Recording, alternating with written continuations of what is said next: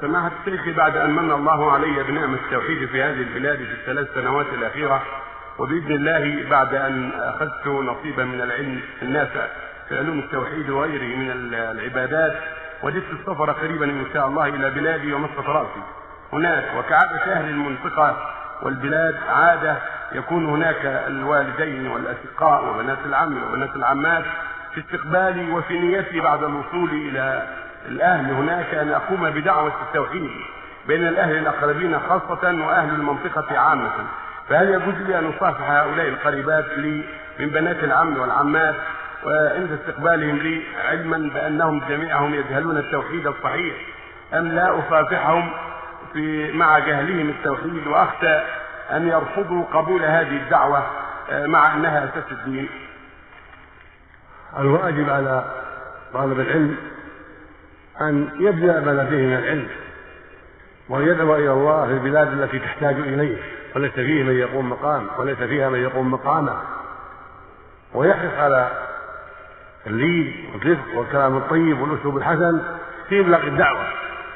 وإذا كان أهل بلده يجهلون شيئا من أحكام الله تقدم إليهم وبين لهم أحكام الله وأرشدهم ولو وجد بعضهم في نفسه شيئا. فإن العادات التي تخالف الشرع لا يجب احترامها. وهل عد الرسل إلا بالعادات المخالفة؟ الرسل لن يعادوا إلا بالعادات المخالفة. فلا بد من الصبر. وإذا كان الأمر كذلك فتقدم إليهن قبل ذلك. اكتب إليهن الآن قبل أن تذهب إليهم اكتب إليهم وقل لهم إن من عادة عادة كذا وكذا وإني آه، أوصيكم بترك ذلك وعدم فعل ذلك. حتى يعلم ذلك وأنت في البلد قبل أن تسافر إليه. وإذا وصلت إليهم فقل لهم قبل السلام عليه يا أخواتي يا بنات عمي ويا كذا ويا كذا. تقول لهم أن هذا الشيء علمتم تعلمته وعلمت أن هذا لا يجوز والسلام يكون بغير المصالحة هذا مع بنات العم والخال ونحو ذلك. أما مع أخواتك وعماتك وخالاتك فلا بأس. إنما هذا في غير المحارم. كبنت العم وبنت الخال وبنت الخالة والجيران سلموا عليهم لكن من دون مصافحة كيف حالكم؟ كيف أولادهم؟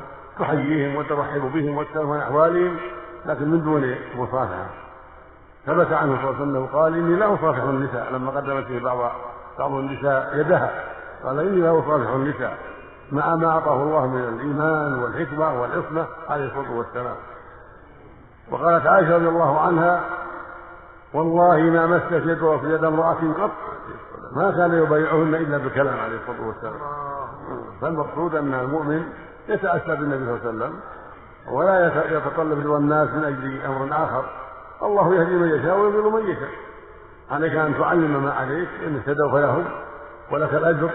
وإن أبوا فقد أديت ما عليك. وليس عليك إلا البلاغ كما هو الرسل عليه الصلاة والسلام. نعم. هذا المبلغ للمجاهدين.